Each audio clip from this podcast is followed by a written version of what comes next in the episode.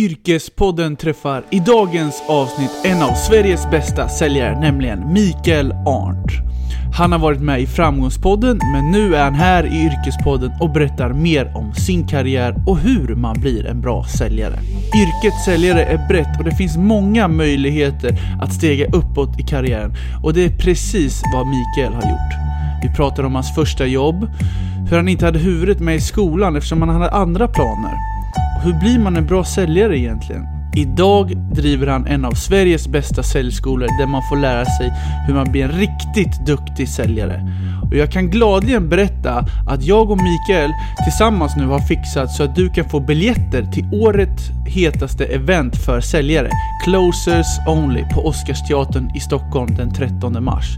Du behöver bara mejla till mikael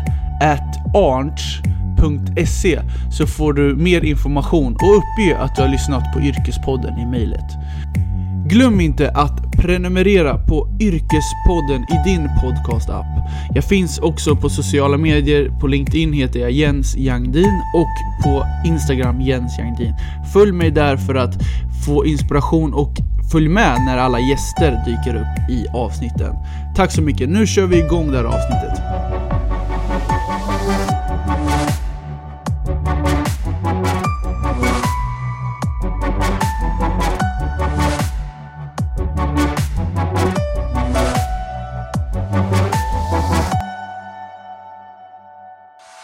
Välkommen till Yrkespodden Mikael. Tack snälla. Hur är läget? Läget är fantastiskt. Härligt. Jag får ju vara här. Även fast det är så grå dag. Vad, vad tycker du om... Ja, men jag fick en bild precis från, på sms från en kille som var på Seychellerna. Och eh, visade bilder från sitt kontor med havet utanför allt upp och se. Det såg rätt bra ut. Ja, eller hur? Nu jag bara drömmer om Tänker att eh, lite. åka någonstans nu, för det är så grått. Men du, eh, du kan väl berätta lite, vem är Mikael? Ja, gammal man. Nej men eh, vad ska jag säga? Ja, det, om jag är känd för någonting är väl att jag brinner för försäljning. Det är väl det som är mitt varumärke i så fall. Så allt som har med sälj att göra och jag älskar försäljning just för att alla möjligheter som uppstår när man blir duktig.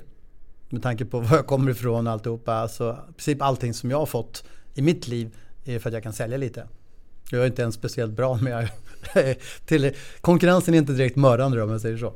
Spännande. Men du, om vi ska gå igenom lite din yrkesbakgrund och lite Mm. din resa Så ska vi backa bandet lite. Och vi tänker så här, vart är du uppväxt och vart gick du gymnasiet? Ja, det är mitt Botkyrka-kort brukar jag säga. Södra B, Södra B det är jag. eh, Botkyrka i Tumba. Och eh, på den tiden var det Sveriges fattigaste kommun. Okej. Och det har inte gått uppåt heller direkt. Eh, men där uppvuxen, väldigt nyttigt. Man lärde sig att kämpa. Och gick i Tumba gymnasium. Vad gick du för eh, linje där då? Jag, jag, det var så här när jag gick i grundskolan så jag hade inte speciellt bra betyg någonting. Så frågade jag, jag hade, fått för mig att jag skulle bli skattejurist. Mm. För på den tiden, det här var ju då 70-talet, mitten, slutet av 70-talet. Och de som tjänade mycket stålar, det var finansen och skattejuristerna. Och jag, jag var inte ens bra på matte, och ingenting. Så eh, jag sa att jag ska bli skattejurist och så gick jag till min syokonsulent som det heter. Ja, det. Och frågade hur blir man skattejurist? Och det hade nog aldrig någon frågat det där förut tror jag. Så ja, har jag funderat på eltele? ja. Ish. Och eh, nej men så ja, det är nog bra att gå ekonomisk. Så jag gick ekonomisk linje. Mm. Och insåg rätt snabbt att jag ska inte bli skattejurist. Det verkar jättetråkigt. Ja, det är nog inte det roligaste, men det är ändå ett yrke som man kan försörja sig på. Så Ja, är det, de har säkert jättemycket pengar. Verkligen. Men du, eh, efter studenten då, då finns det ju mycket man kan göra. Man kan resa, man kan börja jobba, man kan studera vidare. Vad gjorde du? Fast det där är en grej som är nu. På, Ja. den, på den tiden så reste inte folk. Då var det mönstring direkt? Nej, det var så här. Nej, faktiskt var det så här. Tre veckor innan skolan slutade så insåg jag att alla andra hade skaffat jobb. Jag, när jag var 35 då hade vi klassträff. Och då sa en polare till mig så här, Micke jag är så glad att det har gått, då hade jag fan 100 säljare. Då sa han så här, jag är så glad att det har gått bra för dig, för jag har varit orolig. Jag bara, va? Snackar du om? Nej men jag har verkligen varit orolig för du tar verkligen dagen, eller du tog verkligen dagen som den kom och sådär. Och så var det. Jag, jag hade inte koll på det där att man skulle ha jobb. Så tre veckor innan plugget slutade så var det en kille till som insåg att vi, alla andra hade jobb. Så åkte vi till Arbetsförmedlingen och sökte alla jobb som fanns. Och jag fick ett på bank och jag fick ett på eh, fritidsresor, resebyrå. Mhm. Och till min mammas förtvivlan så valde jag resebyrå. Okej, spännande. Du måste berätta mer om. Ja, det, var, det var faktiskt det var helt sjukt. På den tiden så var för det jag sa det här med att resa, man, man reste inte som man gör idag. Nej. Utan de som var kungar det var reseledarna som kunde resa. Man, man kunde vara au pair och man kunde jobba på resebyrå. Då kunde du resa över hela världen. Annars, det fanns inte att du backpack eller sådana grejer. Det kostade alldeles för mycket pengar.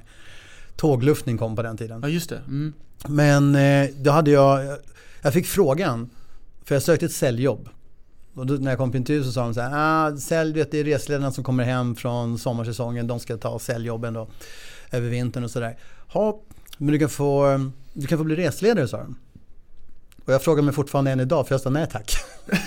och det var så här 10 000 som sökte och de hade 50 jobb. Så jag bara, nej tack, det är inte min grej. Fulla turister, jag vet inte vad. Någon knäpp i skallen fick jag. Men då fick jag jobb att sitta och riva biljetter. Så när vet kuvertet man fick på den förr i tiden med bagagetaggar och sådana grejer. Det. Mm. det packade jag. Okay. Ungefär något tusental biljetter. Man fick ett stora datalakan och så satt vi tre stycken, jag och två tjejer. Låter som världens tråkigaste jobb, det var världens roligaste. Vi satt och garvade åtta timmar om dagen. Men sen vart jag överflyttad till försäljningen efter ett par månader. För då kom chefen och tyckte jag borde flytta på mig. Och där började min säljbana. Vart var du då någonstans? Vart var utgångspunkten? Drottninggatan, mitt i Plattan. Ah, okay. På kontoret, man fick ta på sig en blå skjorta varje morgon. Det var så hade en kille som, som är legend i resvärlden. Dick, eh, Dicken heter han i alla fall. Mm. Kjell någonting. Mm. Och eh, där var det stående utskällningar inför 50-100 pers som du inte gjorde det du skulle göra. Halvpsykopat. Men eh, han, man lärde sig jobba. Vi svarade på 200-300 samtal om dagen. Okay. Så den enda gången man skulle vara ledig, då, då, då gick man in på toaletten vare sig man behövde eller inte. Andades fem minuter och så gick man ut och körde igen. Det var den hårda skolan så att säga? Ja, men alltså, det finns jättemånga framgångsrika företagsledare som börjar där. Ja, det är så? Och som har varit, ja, ja journalister på TV, det är stora företagsledare, massa pengar. Mm. Det är jättemånga som, många börjar med att knacka dörr och andra halvan känns som de börjar som resledare någonstans. Det känns lite som att man kommer ut från sin comfort zone lite då med sälj. Har, har inte du tänkt lite på det? Det, men det är ju, sälj är ju läskigt och det är ju på det sättet att runt 80% av alla som börjar med sälj slutar första året och kommer aldrig tillbaka till jobbet. För att något läskigt händer, något djävulskt som gör att nej det här vill jag inte hålla på med. Och det är ju det är därför det är välbetalt om du är duktig. De flesta tjänar inte speciellt mycket pengar men om du är duktig så det. Men pengar, ofta så pratar man pengar. Det jag älskar med försäljning det är inte stålarna utan det är de möjligheterna som du får om du är duktig på att sälja. Du kan, det är som vi när vi driver skolan. De här kidsen kan jobba utomlands, de, kan, de kommer in på jobb som de aldrig skulle få annars om de inte kunde lite om försäljning. För alla, det saknas flera hundratusen säljare i Sverige. Vilket gör att vad du än adderar till din kunskap. Är du duktig på att ha poddar och kan sälja, ja men då kommer du in en massa sponsorer, tjänar mer pengar, mer möjligheter. Är du duktig snickare och kan sälja. Så, for, så fort du lägger till sälj som en kunskap, en kompetens så blir du mycket, mycket, mycket mer värd.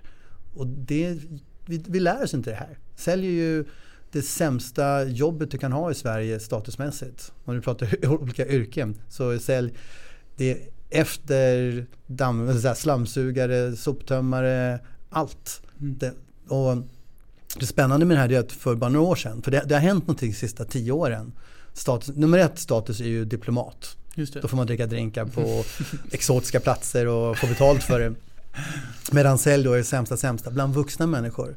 Ungdomar, 2015 var första gången någonsin som Arbetsförmedlingen gör en 10 topplista över jobb som ungdomar kan tänka sig att ta. Mm. Och 2015 så var försäljning med där. Kors i taket. Och bara för några månader sedan så Academic Work gjorde en undersökning som TV4 tog upp. Drömjobben i Sverige. Nummer ett ingenjör. Nummer två säljare. Ja.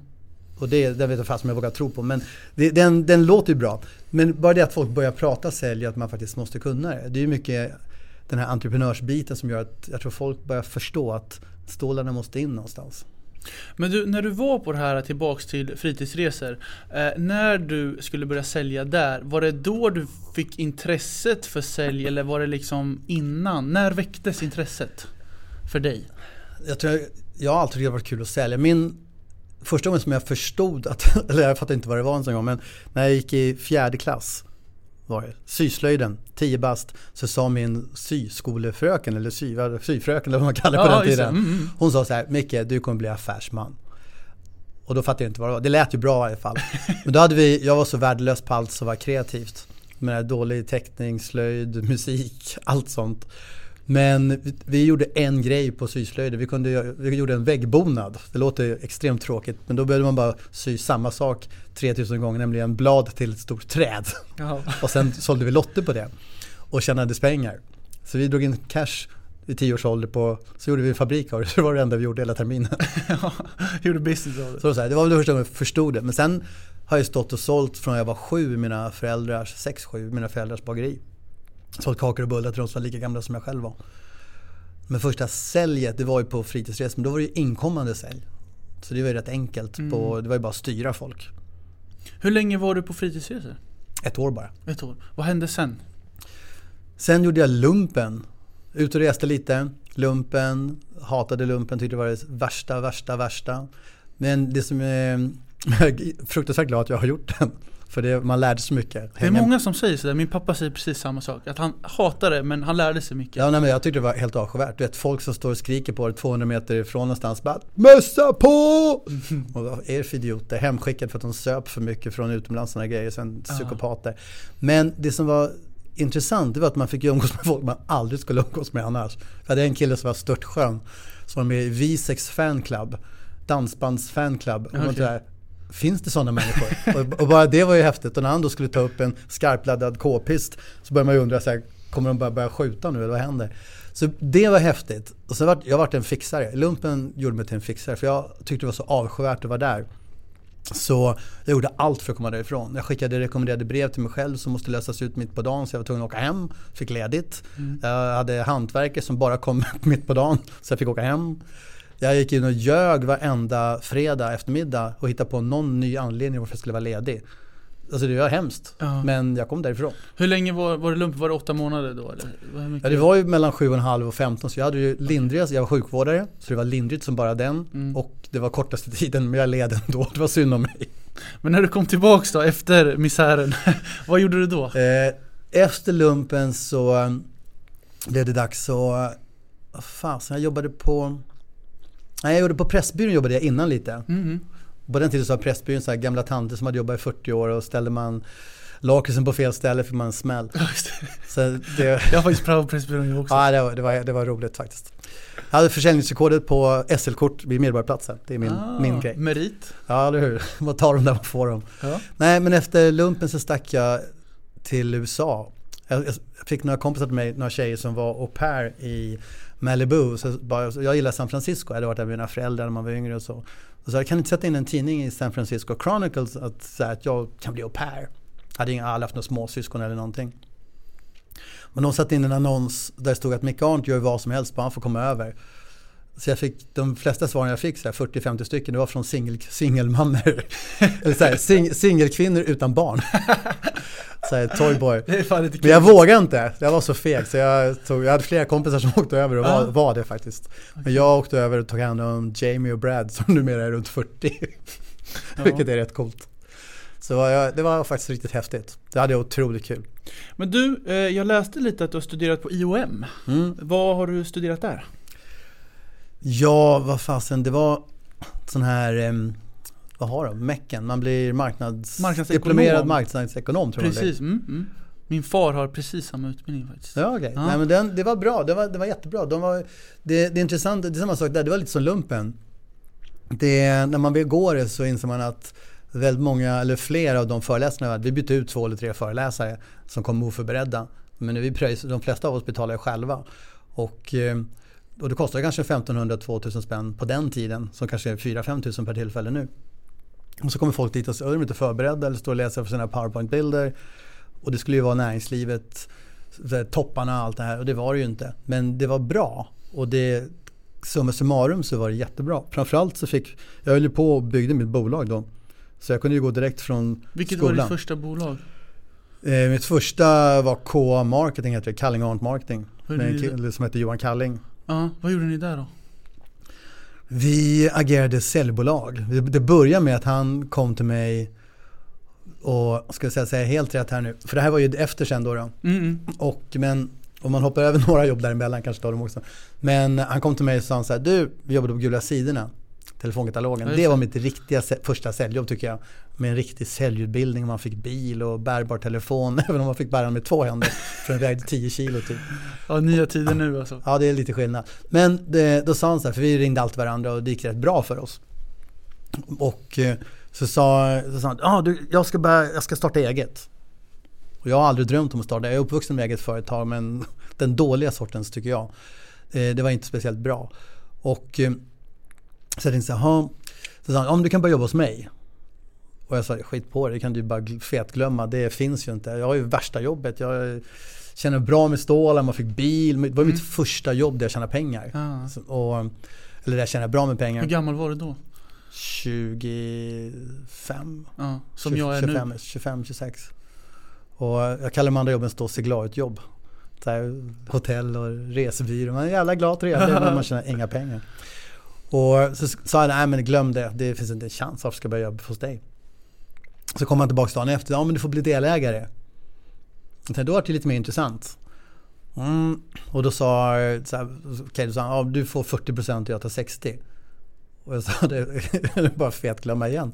För jag sa det, då kan ju inte jag stoppa in en enda grej i det här bolaget för då ska du ha mer. Jag kommer med en ny idé och du ska ha 60%, det kan du bara glömma. Så kom han tillbaka dagen efter och då var det 50-50. Och då körde vi och eh, superkul. Det är världens bästa kille. Vi, det var, vi röjde rejält. Man brukar snacka om det här Wolf on Wall Street men det, Ja.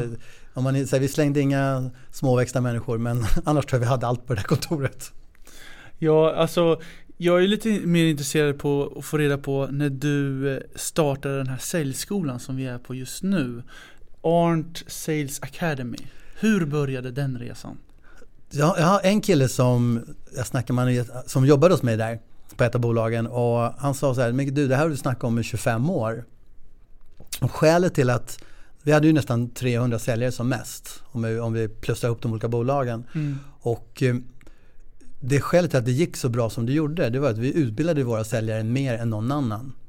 Det var hemligheten, det var inte speciellt revolutionerande egentligen. Men säljare har ju en tendens, eller säljchefer har en tendens att det, man, antingen så är man säljare eller så kommer man aldrig bli någon stjärna. Och jag tycker bara skitsnack. Utan det handlar om hur mycket tränar du. Sen kan du ha talang. Men om du har någon som har talang och tränar, då är ju de andra körda. Mm. Så när eh, vi tittade på det och hur vi skulle få ihop det. Så vi gjorde en skola redan när jag hade företaget. Och eh, så när folk kom in till oss så kom de automatiskt in i ett program som var utbildning var 14 dag förutom att vi redan när vi sparkade igång de utbildade mer än alla andra. Så i princip så det vi dammade av var det konceptet och sen har vi gjort en utbildning av det. Och skälet var att vi jag fick fem, sex personer oberoende av varandra som kom och sökte jobb hos mig och alla hänvisade till den ställutbildning de hade gått. Och då hade de gått någon sån här yrkeslinje i två år. Men sen pluggar man försäljning i två år borde man vara rätt vass. Och så frågar man sig, ja, bra vad läser de för någonting? Ja, de läste ingenting. Bra, hur ofta spelar ni in samtal? Ingen spelar in samtal. Hur ofta skriver ni ner mål? Ingen skriver ner sina mål. Så, vad fasen har ni gjort i två år? Så började jag titta lite på de här utbildningarna som finns som man får bidrag för och gå och allt det här. Och från Arbetsförmedlingen och CSN och allt vad det heter. Och eh, den stora biten är kort så tyckte jag det är rätt undermåligt. Och det är ju så när staten delar ut pengar och ger bidrag för att man ska skapa sådana utbildningar så är det jättebra men staten kan ju tyvärr inte försäljning. Och de har ungefär 15 timmar, kravet är 15 timmar lärarlätt per vecka. Och jobbar med försäljning så är det 15 timmar om dagen typ. Om vi ska bli världsmästare på det här. Och vi ligger på 55-60. Så vi tittade på det här och så tänkte vi, ja men då borde vi kunna få bidrag. Vi vet ju hur man ska göra det här. Så vi skrev ihop en utbildning och vi har en delägare som är fantastiskt duktig på det här som heter Rasmus Rossi. Och eh, han sa att det tar tre år att vinna en upphandling om du inte är känd. Och vi vann den såklart inte. Utan Okej. vi kom lite bit på väg. Och andra året så skruvade vi lite på det. Och då fick vi spö av IOM just. så de vann före oss. Och eh, tredje året när vi satt på S tänkte jag, fasen, det slog mig bara det att för det är inte så att man skruvar på den och gör den bättre för att vinna. Utan du skruvar på den och gör den sämre. Du tar bort saker som man vet borde vara med och stoppar in saker som staten tycker borde vara med. Och då sa vi, "Nej, men, och jag är lite sån, tryck på knappen, då kör vi. Mm. Och så ringde jag runt till mina vänner och bekanta, sa hej vi drar igång en utbildning. Och i och med att jag är den åldern jag har så har jag bekanta som har barn som är runt 20. Och så tänkte jag om vi kör det här och då vet ju de, kan voucha för att jag är rätt bra på det jag gör. Och eh, så satte vi igång utbildningen. Och då började vi med sex personer. Och det är superkul. Det är ena killen såg jag på nätet häromdagen. Han har öppnat en egen säljutbildning i Australien. Uh-huh. Ska han dela med sig nu i åtta månader på nätet och massa säljtips. Och aldrig jobbat med det innan han kom till oss. Häftigt. Och de som gick då och framgångsrika hela bunten. Och sen tryckte vi, sen träffade jag en kanadensisk coach. Jag har aldrig gått hos någon coach eller någonting sån här. En säljcoach eller? Nej. Han, han, är egentligen framgångsvariant kan man kalla det. De är okay. superduktiga. Han har engelska kungahuset, Les Evans heter han. Okay. Han har eh, danska kungahuset också faktiskt, massa rockband och grejer. Och så av någon slump, för jag köpte en massa utbildning, så kom han med på köpet. Och då sa han så här, och det är faktiskt det som var skillnaden som gör skillnaden lite här då. Han, eh, först så sa han så här, Micke, är du en sån som ska frälsa världen eller ta hand om ungdomar och bla bla. Men sen sa han, nej du brukar ju vara kvinnor i medelåldern. Sen efter tre timmar, då började han istället, när, när han fattade vad vi höll på med, då började han ringa sina kunder. Så första en kille som heter Imran i Singapore och sa har du hört talas om det här? Du, ska du vara med? Du, där. Och han var helt, tyckte det var helt fantastiskt. Sen ringde en kille i Sydafrika som har 4000 anställda. Och så sa han, typ, ah, du, har du hört talas om det här? Det hade de inte gjort såklart. Och så frågade han, jobbar de business to business också? Han sa, ja det är klart att vi praktiserar med det. Ah! Alltså han var helt, det var ju som en så jäkla märkvärdigt med det. Och sen ringde han sin fru, hon bara, varför har ingen gjort det här förut? Men vi har gjort det i 30 år. Så det, var, det är inte så märkvärdigt. Men då förstod jag att det vi gör är helt unikt. För mig har jag, det är, som, det är så här man gör. Mm. Och det är ju en utbildning som är lika mycket personlig utveckling som det är försäljning. Det är mycket NLP, Tony Robbins style. Det är förknippat med hardcore sälj. Och så gör vi det med ungdomar. Och sen har vi vänt på hela paketet så vi får ju inga bidrag. Men vi tar heller inte betalt av studenterna. För jag, jag har en sån här mission in my life och det är att utbildning, eller att folk ska förstå vad som händer när man pluggar utbildning, eller pluggar försäljning. När man blir bra på sälj, för det öppnar sig så sjukt mycket dörrar. Och jag är ju ett levande exempel på det. För jag kommer från, gick ut skolan med halvtaskiga betyg och medan magistern sa en gång under hela gymnasiet hade jag bäst på ett prov. Då sa han så här, Micke du har rättat ditt prov fem gånger men du är faktiskt bäst. Inte ens han trodde på det. Och trots det så har det hänt massa fantastiska saker för att jag kan lite om sälj. Och det är det vi vill få, få de här ungdomarna att förstå. Och då behöver det inte vara de ungdomarna som råkade ha rätt föräldrar och få bra cash som kan betala för sig. Så vi har löst det. Så utbildningen är den bästa utbildningen du kan köpa idag när det gäller sälj. Det finns ingen som går så djupt när det gäller säljet och verkligen jobba med vad gör de som är bäst i världen. Jag menar alla stora stjärnor, de mediterar. Men idag, en trappa upp där vi sitter, så har de kört sitt första meditationspass. Hur man mediterar runt försäljning. De skriver ner sina mål. Det gör alla superstjärnor. Det, vi, gör, vi har bara tagit, vad gör de som är bäst i världen så gör vi likadant. Plus allting som jag har lärt mig under alla år. Och det, det blir magiskt. Den här förvandlingen som sker på de här månaderna, det är, det är helt otroligt. Och den här uh, utbildningen är alltså helt kostnadsfri? Kostar inte en krona, utan vi tar in sponsorer så företag är med och betalar. För de ska ju sen rekrytera de här. Och det går inte att få tag på folk som är i den här... Det är ju en, det är väldigt nischat. Det är unga människor som pluggar personlig utveckling och som pluggar försäljning och de gör det i 10-12 timmar om dagen hos oss och säkert ett par timmar hemma varje dag under tre månader. Och det är ju andra, företag kan ju hitta precis samma människor men de kan inte hitta de som pluggar så här ambitiöst och hårt. Alltså det är ju verkligen superbra jämfört. Alltså, om jag tänker lite IOM-perspektiv, mm. där måste du betala vad är det, runt 100-200 tusen för sin utbildning i två år, är det inte så? Ja, per år tror ja, jag. Precis. 150. Och den här är alltså helt gratis? Vi har de bästa föreläsarna i Sverige, i alla fall de som tar bäst betalt. Vi har folk som kommer utomlands ifrån för att ge de här föreläsningar. Det, de, de får så mycket, de förstår inte hur bra det är. Det kommer de att fatta om ett par år. ja, exakt. Men det är ju ofta så när man är ung själv. Så man förstår inte, man tror ju att det ska komma föreläsare varje vecka till kontoret eller men det, det är helt magiskt. Men hur många platser tar ni in då? Om det kanske sitter någon här och tänker att oh, det här skolan skulle jag verkligen vilja söka till. Hur många platser tar ni in och vad ska man förvänta sig? Det man Platser är egentligen obegränsat. Kommer, oh ja. kommer det mer så kommer vi öppna upp fler ställen. Ja, det är så? Mm. Ja, om så är det. Det finns inget tak på det här. Eh, vi finns ju i Marbella nu. Vi håller på och ska öppna upp i Sydafrika. Vi förhandlar med USA. USA vi, har, okay. vi har en jättespännande grej på gång. För det är en kille som var med i Shark Tank från början. Och hans högra hand är superintresserad av det här. Och studenter är fortfarande kvar men de vill också att vi ska titta på att utbilda veteraner. De som kommer tillbaka från kriget. Okay. För det är ju ofta många, en del är lågutbildade. Amerikanerna är ju otroligt patriotiska så de vill jättegärna hjälpa dem och ge dem jobb men de, en del har inte så mycket utbildning. Och då är det här ett fast track till att få jobb. Vilket är jättespännande.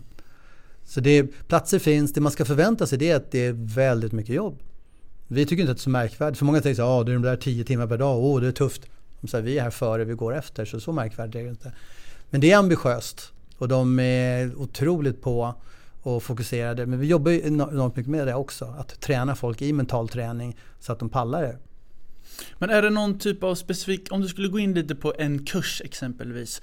Eh, eller vad ni har för upplägg. Vad kommer man eh, få gå för kurs? Det, det som är kul, för när du säger så, så är det som du försöker ta det från universitetet. Ja, men ja. vilken kurs ska jag gå så här? jag går ju själv på universitetet så det blir kanske lite, lite den... Och, och det här är ju en, det är en väldigt praktisk utbildning. Okay, mm. Och ingår praktik i det? Det ingår praktik. Man praktiserar fyra timmar om dagen. Det är superbra. Och tittar man på hur det ser ut då, oftast de här yrkeslinjerna som får bidrag, de har ju, och det är inget fel på dem på något sätt, det är bara det, det man kan göra det bättre. Men där går man ju ett år och så ofta ett års praktik. Och i USA finns det ett uttryck för det som heter BLB. Nu kommer jag få alla på mig som har yrkesutbildningar här. Men BLB det står för Blind Leading Blind. Har man lite flyt så får du en fantastisk handledare. Men jag vet ju hur det ser ut för jag har varit ute i 30 år. Det är ingen som pluggar försäljning, det är ingen som skriver ner sina mål, det är ingen som analyserar sina samtal. Det här. Risken att du får en sån person är väldigt, väldigt stor. Vi har praktik, vi har fyra timmar om dagen, men de är hos oss. Vi har 100% kontroll på allting. Vi analyserar samtal, vi har proffs som inte har gjort något de sista 15-20 åren som analyserar samtal, som kan ge feedback. Och det är en jätteskillnad för att ta någon som ska göra det vid sidan om. Och det gör att vi tar 100% ansvar. Så praktiken är jätte, jättebra. Och sen är det 6-7 timmar om dagen föreläsningar, vi tränar folk i stå inför, framför folk. Jag hade en kille här som gick... Gör ni någon retorik? Det är precis den som jag Jag älskar retorik. Ja, vi hade en kille som pluggade retorik och han berättade att han hade fått göra två stycken föreläsningar eller två speech på hela året.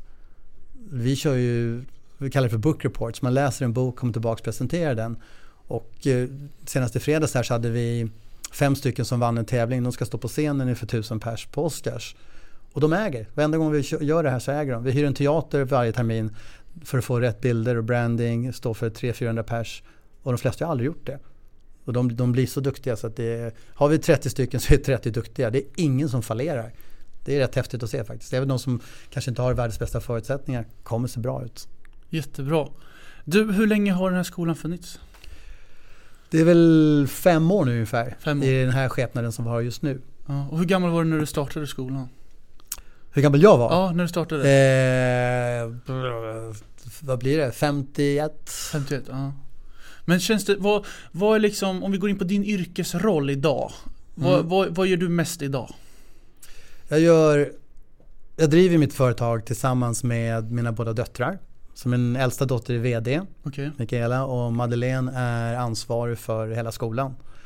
Så jag har en lite friare roll. Men allt jag gör handlar om försäljning. Och antingen, mitt mål är att jag ska antingen stå framför kunder, för det är det jag gör, jag gör affärer. Så antingen så föreläser jag. Jag har en eh, precis börjat med en, en eh, säljsnack, en, så här, som poddet men vi kör den på Instagram istället. Okay. Live varje, varje dag faktiskt. Live alltså? Okay. Mm, vi bestämde oss för idag. Idag? Idag! För köra varje dag. Vi har kört måndagar. Men nu kör vi halv åtta varje dag så svarar vi på frågor runt försäljning. Okay. Eller jag, jag gör det. Och, eh, så man kan fråga om precis vad som helst. Men det, jag skriver böcker, ljudböcker. Håller på att lansera nu på Amazon. Vi, Amazon är ju ett bolag, eller vi har ett bolag som heter The A-Club. Där vi utbildar folk i hur man gör affärer på Amazon.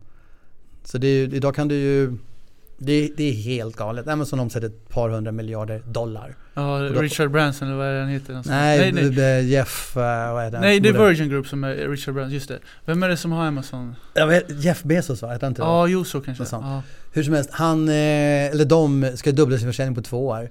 Och det har blivit en hel bara i USA förra året startades 300 000 bolag som gör affärer på Amazon. Och det är den biten som vi lär ut. För vi har en kille som är superexpert på det här. Hans polare omsatte 10 miljoner dollar på att jobba ett par timmar om dagen förra året. En person.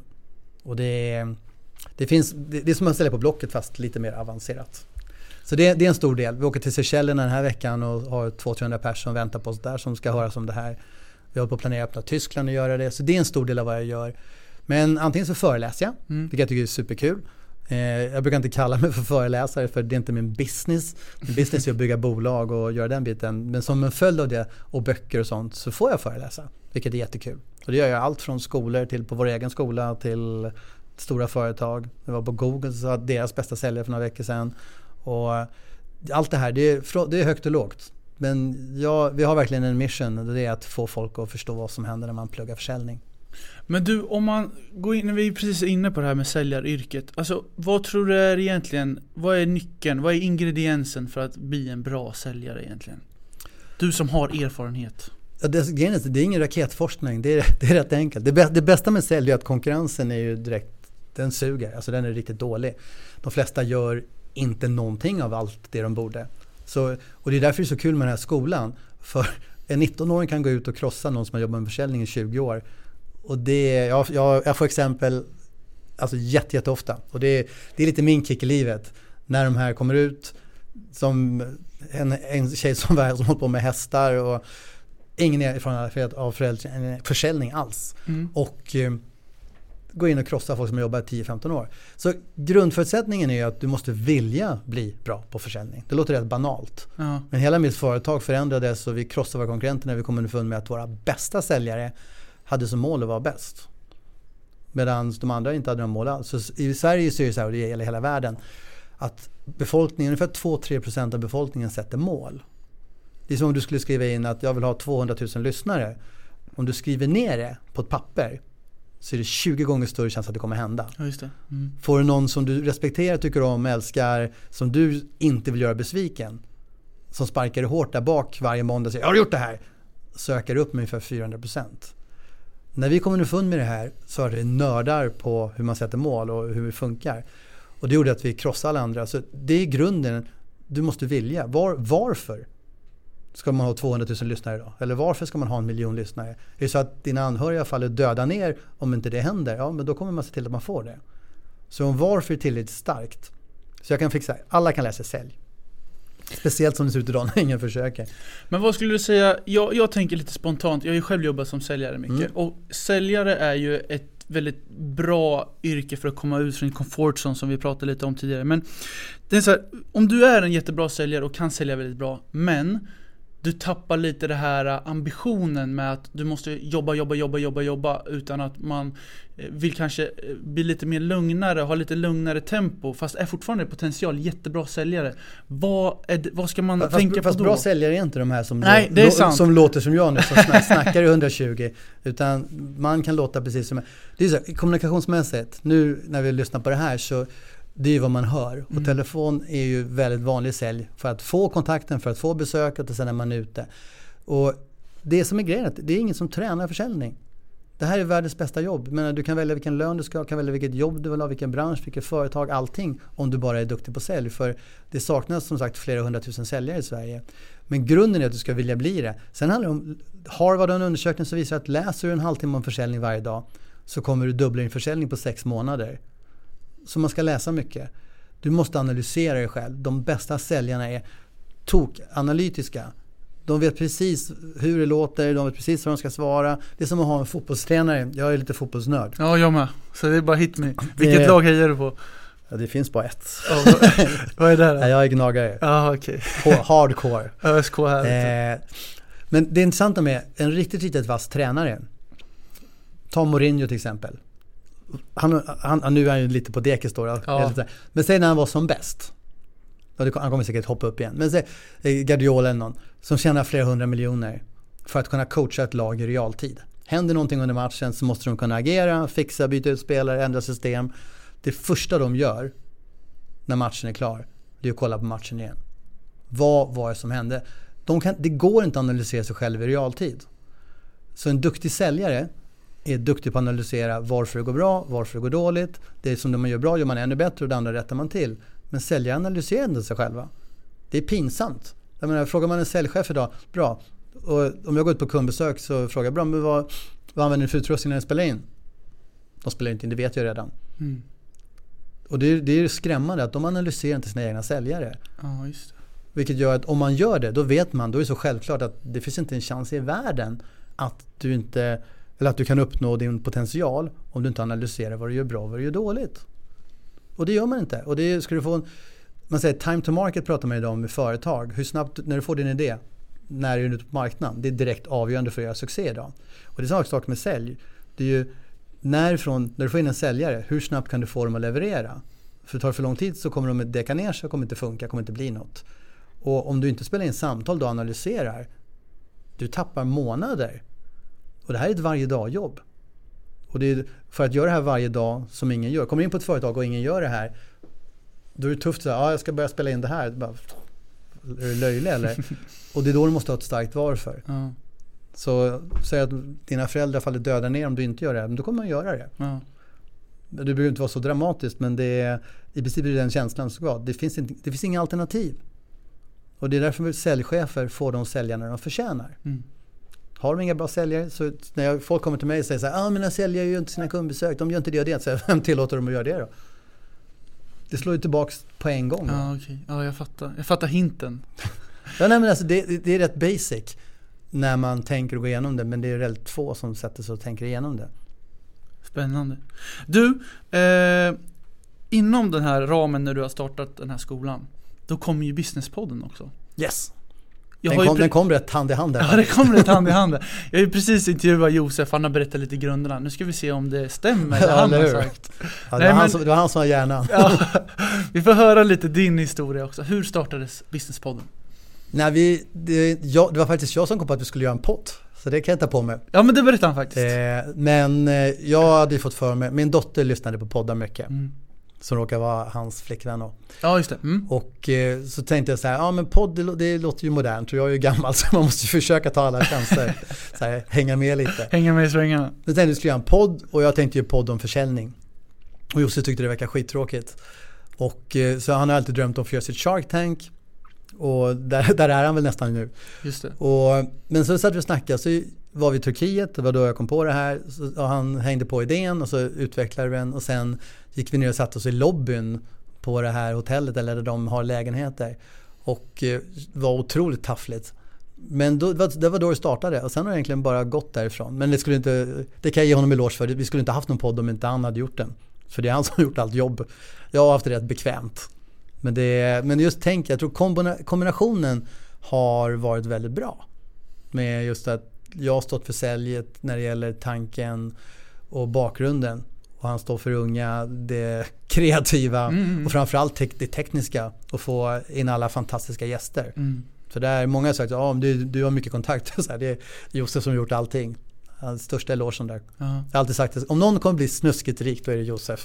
Det är annars det, han måste bli det. Han berättade lite faktiskt nu innan vi körde att han, han har ju ett mål att han ska bli miljardär. Jag Ja. tycker det är ett väldigt, det är Han ett stort kommer- mål men eh, jag tycker det är bra att ha ambitiösa mål. Jag kan säga, den miljön som vi sitter i med säljskolan.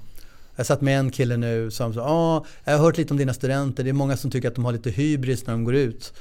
Så hur menar du? Ja, ah, nej, de ska tjäna så mycket pengar alltihopa. Ja, vänta nu, säg inte det här lite mer om dig?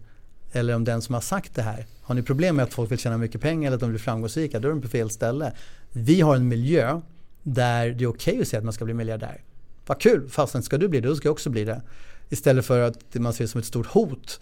För det är jobbigt om du blir och jag inte ens försöker. Mm. Så när Josef snackar om att ska bli miljardär så tror jag att han talar lika mycket till sig själv som han talar till andra. För det är när jag står och föreläser, jag snackar lika mycket till mig själv. Att sätt mål, gör det här och så sparkar jag på mig själv. Och, men jag vidhåller det att om någon kommer bli miljardär så är det han. För det, jag, det finns ingen som är så ambitiös. Han är galet ambitiös, alltså skö- stört skön. Och ni fick ju faktiskt extremt bra gäster. Jag har ju själv lyssnat på Businesspodden väldigt mycket och fått mycket inspiration själv till Mm, kul. Yrkespodden idag. Eh, men den här eran den tog ju slut.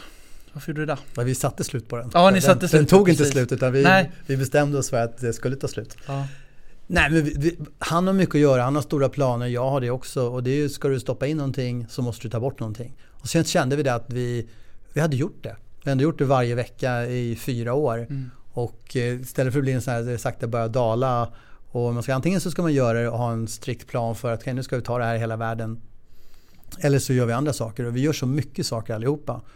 Men jag, jag gör böcker, jag driver igång det här A-club som vi har. Vi har skolan som vi vill sätta i hela världen. Jag föreläser halva världen. Mycket nya ljudböcker. Det, det händer massor med grejer.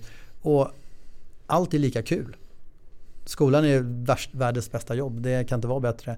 Och poddar, vi just som jag kör en massa andra grejer också, det gör Josef med. Mm. Det kändes, det var ett avslutat kapitel. Det var rätt klart. Och kul att göra en stor final. Jag menar Annexet 3000 pers, fullt ös. Det, det, känns rätt bra att få sluta på topp. Ja, det är rätt få som gör det. Ja men det, det är ju där man ska göra, det är precis som Zlatan säger, man avslutar på topp. Ja, så vad gör han i USA? ja, men, han, jag, jag, jag, jag, kan säga varför, han tjänar bäst i MLS någonsin. Ja, Då man tjänar mer pengar för. Sen gör ja, ju sig, ganska fina mål också. Så. Men det är rätt kul för, för Stålarna, jag, jag tror inte en sekund att han gör för Stålarna. Nej, alltså, han gör det för att kunna säga att han har bäst betalt. Ja. Det tror jag är grejen för honom. Mm, grejen. Sen att det är 70 miljoner eller vad han fick, det tror jag mm. inte spelar någon roll. Det är väl små pengar för den där Men det är samma sak med sälj. De bästa säljarna mm. går inte till jobbet för att tjäna pengar. Och ändå så är det säljchefer, de försöker få de bästa säljarna för att, genom att slänga pengar på dem. Men det är inte det som är intressant. De vill hänga med de bästa säljarna. Så att det, ska man få de bästa säljarna så måste man vara en Guardiola eller Mourinho. För då attraherar man de bästa. Och det, det funkar. Slänger man pengar på någon då går man bara till nästa som slänger mer pengar. Det finns alltid någon som har mer pengar. Och pengar kommer, som jag läste senast, var på 14 plats i Sverige varför man går till jobbet. Är det 14 plats. 14 USA som att det är nionde plats. Okay. Så det är rätt mycket andra grejer som spelar roll. Och första måste ju vara att man älskar sitt jobb och att man tycker det är kul. Det måste de ju vara De bästa det går till jobbet för att de ska förändra världen. Ja, det är så. De, ska, det, de har ett mission, de ska mm. göra någonting som Sen pengarna kommer som en följd av. De tycker fortfarande om pengar. Jag menar, det, de vill ha stålar för det ger, de, ja, man måste ju ändå det ger ju verktyg för att göra ja, ännu mer saker. Precis, och man måste ju kunna försörja sig också såklart. Det spelar ju en stor roll. De bästa, de, de, de har ändå klart. De behöver inte ens tänka på det. Men Zlatan behöver inte kolla så mycket på om man ska försörja sig. Nej, det, det har du helt rätt Så det är andra grejer som, jag tror för honom är det mer significance med att hej, jag är den som har bäst betalt. Han spelar ju inte bästa Precis, laget. Nej. nej, det håller jag med om. Men du, eh, jag kommer fan jättegärna och gästar eller kollar på era säljutbildningar och kommer hit och... Du är varmt välkommen. Det är som sagt 13 det här kanske sänds efter för sig. Ja, men, men vi, kör, vi har ju ett event som heter Closers Only. Mm. Där, som är, jag har en mission, det är att säljböcker ska vara gratis, säljutbildning ska vara gratis. Det ska inte hänga på att du har råd att gå på vissa föreläsningar. Utan man kan tjäna pengar på andra håll. Jag vill vända på steken och låta andra betala istället. Och, eh, så vi har en hel dag med föreläsningar för 300 spänn som heter Closers Only. Och vi kör det fyra gånger om året i Stockholm. Och vi kör massa andra saker. När är nästa nu då? Vi kör 13 mars och 8 maj. 13 mars och 8 maj. Nu under våren. Mm, spännande. Då så där är du varmt välkommen ja, om du har ja, tid över. Absolut. Och lyssnarna också. Absolut. Men du Mikael, framtidsplanerna. Vad är dina framtidsplaner? Framtidsplaner just nu det är att etablera mina ljudböcker på Amazon. Det är att bygga A-club i åtminstone 15-20 länder. Det är inte helt satt, vi har inte satt de målen än. Men redan nu så är vi i Spanien, vi ska till Tyskland, vi åkte till Seychellerna. Kan du berätta konceptet lite mer för folk som lyssnar? A-club är, i princip är det så här att på bara en timme, två timmars jobb om dagen så det sämsta som någon ska... Det är så, många vill starta igång ett bolag. Alla är inte så snackiga som jag och måste, tror att man måste bli en jobbig säljare. Många får apropåer om pyramidspel. Ta det här och så värva dina kompisar och mamma och pappa och kom på lördag fast jag talat om vad det är. Och det, det, det, är så jäkla uselt. Systemet MLM är inget fel men de som håller på med det är mycket strul tycker jag. Det här är för alla som vill bygga ett bolag, för alla som vill ta nytta av att göra lite e-handel på nätet. Amazon kommer ju till Sverige. Ja, är och, inte alla e-handlare fruktansvärt rädda för det där? Det borde man vara. Aha. Det borde man vara. Jag tror inte de flesta fattar. Butiker överhuvudtaget. Det kommer som en tsunami bara. Ja, men titta på nu i julas här så var det leksaksaffärerna som gick i konkurs. Toys R Us, Leka med mera. Nästan varenda kedja med kläder och alltihopa har jätteproblem.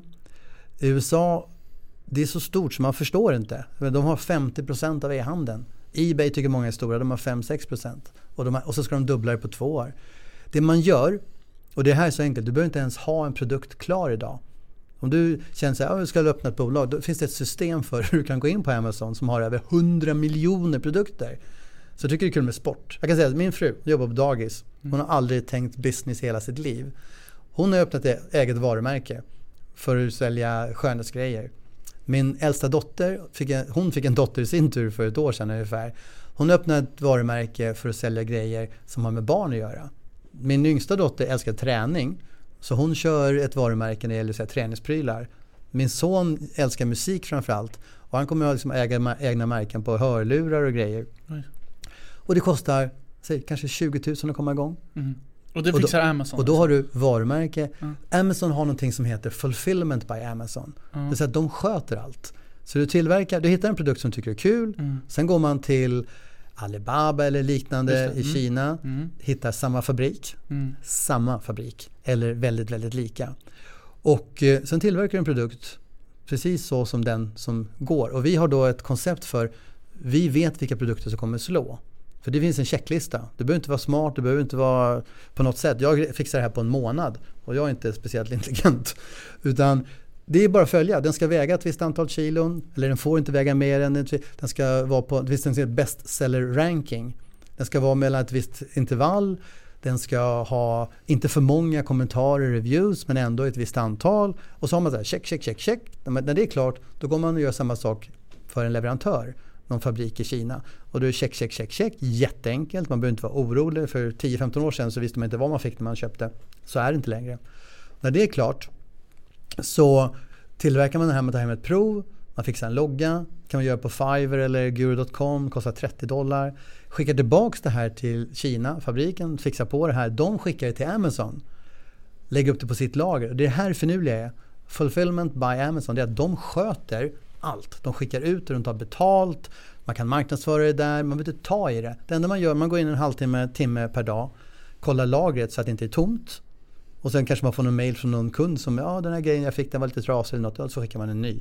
Men jag tror de tar lite procent av eh, försäljningen? De tar procent. Ja, de, tar, de tjänar ju fantastiska pengar. Ja. Men, Men det finns ändå möjligheten, det är ändå häftigt. Alltså. Du får räkna med att du har 25-40% marginal. Mm. Min fru hittade en hårborste, hennes första produkt lyssna nu, hårborsten. Den säljs för 23-24 dollar på Amazon. Du köper in den för 50 cent. Ja, du ser. Det är, alltså det är helt, helt galet. Mm. Vilket gör att folk kan plugga. Du sa att du pluggar. Mm. Du kan plugga samtidigt, bygga upp en business. Ja. Om ett år så tjänar du 15-20 tusen extra i månaden. Och nu pratar vi inte höga siffror. Men, men, när tror du det kommer det här till Sverige? För det har inte kommit dit än, är det inte så? Jo, alltså det har Eller? kommit. Det, det man gör affär på det, jag gjorde ju fel. Jag gick hem till min fru och sa det. Du, nu ska vi köra. Och så hittade hon den här hårborsten och så såg jag att den kostade 17 dollar och skicka till Sverige. Så jag gick tillbaka till Wayne. Wayne Smith är det som är våran guru. Jag kan inte det här. Nej. Han är våran guru. Han säljer för över en miljon i månaden. Jobbar en timme om dagen. Han, han är fantastisk på det här. Han, då sa jag så här. Du, det funkar ju inte. Det kostar 17 dollar att skicka till Sverige. Det här är ju mm. kört. Det är ju bara lurendrejeri. Han bara, Micke, vi gör inte affärer med Sverige. Vi gör affärer med USA. Mm. Så det, det, är USA som är marknaden. När man har kommit igång där, då flyttar man det till England. När man har kommit igång där, då tar man det till Tyskland. Sen har man Japan. Och det kommer börja öppna upp nya marknader hela tiden. Sverige kommer komma inom ett år, två år. De har byggt en datorhall för 800 miljoner i Eskilstuna ja, tror jag. Det, ja. Så de kommer ju och då är man redan beredd. Smyg igång den och det, det kostar inte som att skaffa ett aktiebolag och 50 000 där och köpa ett dyrt lager. Du köper in kanske 100 produkter, 200. Du är uppe och kör med eget varulager, eget varumärke, allt igång, rullar för 15 000, 20 000. Ja det är grymt. Alltså, det, det man, man, alltså, vi får se vad som händer nu. Jag får nästan lite idéer själv direkt. Hallå, det, det där är så häftigt. Så det är, alla jag pratar med, alla mina vänner och bekanta, de skapar nya varumärken, egna produkter. Och det, säg att du tjänar 10-15 000 extra i månaden. Kör ja, som Wayne, då tjänar du en miljon i månaden. Ja, det är perfekt. Så det, det finns rätt schyssta förutsättningar och det är på en produkt. Du kan ju ha 20, 30, 40 men man, man börjar bara med en enda produkt. Det är inte så att ah, jag ska ha åtta olika, du börjar med en. Så har, det konceptet vi har, det är det vi går nu. Tyskland, med Seychellerna, Sydafrika, alltihopa. Det är att vi ger folk den här checklistan och så bygger vi en, en klubb, en eh, förening, en, en community för folk som gör affärer på Amazon. Och det är, det är häftigt. Så det, vi, vi var i Spanien den här veckan och körde och nu blir det strax Seychellerna. Och det, det, tar upp mycket av min tid. Ja, det, det är föreläsa, bygga upp den. Och det jag menar är att jag är inte en föreläsare utan jag bygger bolag. Men sen föreläser jag. Ser du dig själv som en säljare idag? Absolut, ja. varje dag. Kul. Men sälja är så att Det är ju inte sälja mot kund. Jag, men en av mina största utmaningar var när jag skulle få min son att plugga. Han tycker inte just plugget är så kul. Eller man ska gå, man säljer ju hela dagarna. Förr kunde man välja om du, ja, man satt i fikarummet och sa äh, du, jag är ingen säljare. Så var det åtta andra som bara nej inte jag heller. För fan nej inte då. Det funkar inte då för då får du sparken nästan. Va? Men det enda du kan välja på det är om du är bra på att sälja eller dålig på att sälja. Om du inte väljer aktivt, medvetet att du ska vara väldigt bra så är du tyvärr rätt dålig. Det finns ingen mellanting där att det är, ja men jag är en sexa, sjua, bara glöm det. Antingen är du en 8, 9, 10 där eller så är du kanske en 1, 2. Och du är en 10? Absolut inte. Jag, jag, jag kanske är den där 6, 7 då. då. Jag, jag lever på att jag är ambitiös. Jag är inte så smart. Det har jag aldrig varit, men jag är väldigt ambitiös. Och sen så är jag passionerad över det jag håller på med. Jag brinner för det. Och det, när man tittar på försäljning och man väger de olika faktorerna som gör att folk köper så är passion runt 80%. Du kan säga fel, precis som jag, läpparna hänger inte med ibland. Men är du den som är, brinner mest, och det här har man tittat på, det här är faktiskt rätt intressant när man ska bygga sin verksamhet. Att till och med när man ska köpa en JAS, krigs, mm. krigsflygplanet, alltså supertekniskt, kostar miljarder. ja, exakt. Och det Gör inte ingen... vi i Sverige massa sånt där? Alltså, vi är väl export Ja, det är den vi har. Det är mm. det största vi har, dyraste vi har. Ja. Men då tror ju folk att det är bara, de som köper det är otroligt analytiska.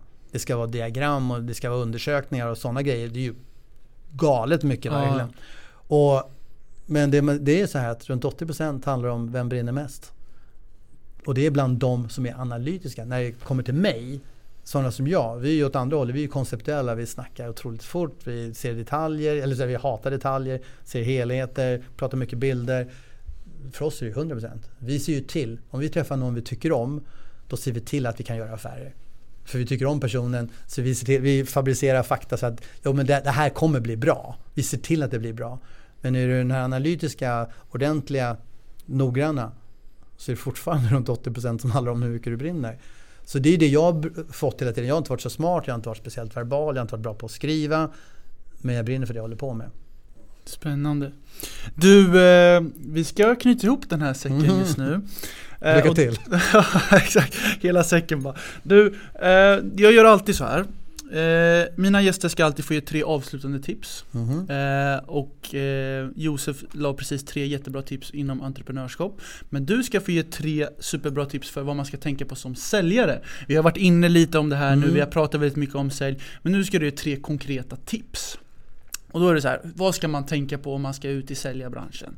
Nummer ett, vad skulle du säga? Om jag ska, vara, om jag ska säga som att jag är anställd som säljare så, så ska jag se till att jag hamnar på ett företag som har en kultur som är sälj. Där man pluggar, tränar, studerar försäljning. Alltså en chef som fortsätter att utveckla en. Det är, annars byts bolag. Har en chef som inte utvecklar det så då, är det bara, då kommer man stagnera. Man ska, ett eller två år senare så ska man ha blivit väldigt mycket bättre. Och det ska inte bara bero på en själv utan har du en miljö med folk som är duktiga, ambitiösa, då blir du sån själv också. Två är, sätt mål. Det, det, finns ingenting. Det fanns en undersökning på, eller en diskussion på tv med de sju största företagsledarna i världen. Det var Bill Gates, Richard Branson, Steve Jobs. Det här är 10-15 år sedan. Alla frågade så här, ah, hur, hur, hur har ni blivit så sjukt framgångsrika? Alla sju sa bara mål, mål, mål, mm. mål. Så det är en... Skriv upp era mål. Skriv upp alltså, varje dag och det är varje dag. Och det är inte de här to-do-list utan det är livsmål. Och sista är analysera. Superbra Gör, tips! Läs, spela in samtal, spelar ingen roll om du ska vara tjusig, fin, komplex, jätte key account någonstans. Spela in samtal. Superbra Ingenting som slår det. Superbra tips Mikael. Tack så jättemycket för att du var med i Yrkespodden. Tack för att jag fick vara med, jättesnällt. Det uppskattar vi. Då säger vi hej då. Hej då. Hej hörni, Jens här från Yrkespodden. Hoppas ni tycker om podcasten och se till att prenumerera på Yrkespodden i din poddapp. Det finns på Spotify, iTunes, Acast, Soundcloud. Ja, ni vet, där alla poddar finns. Jag finns också på LinkedIn, Jens Jangdin, och även på Instagram, där jag också heter Jens Jangdin. Och stort tack till min högra hand som klipper min podd, Sebastian Myrdal. Har ni frågor angående klippa podcast så ska ni höra av er på sebastian.myrdal.gmail.com. Tack så mycket! Thank you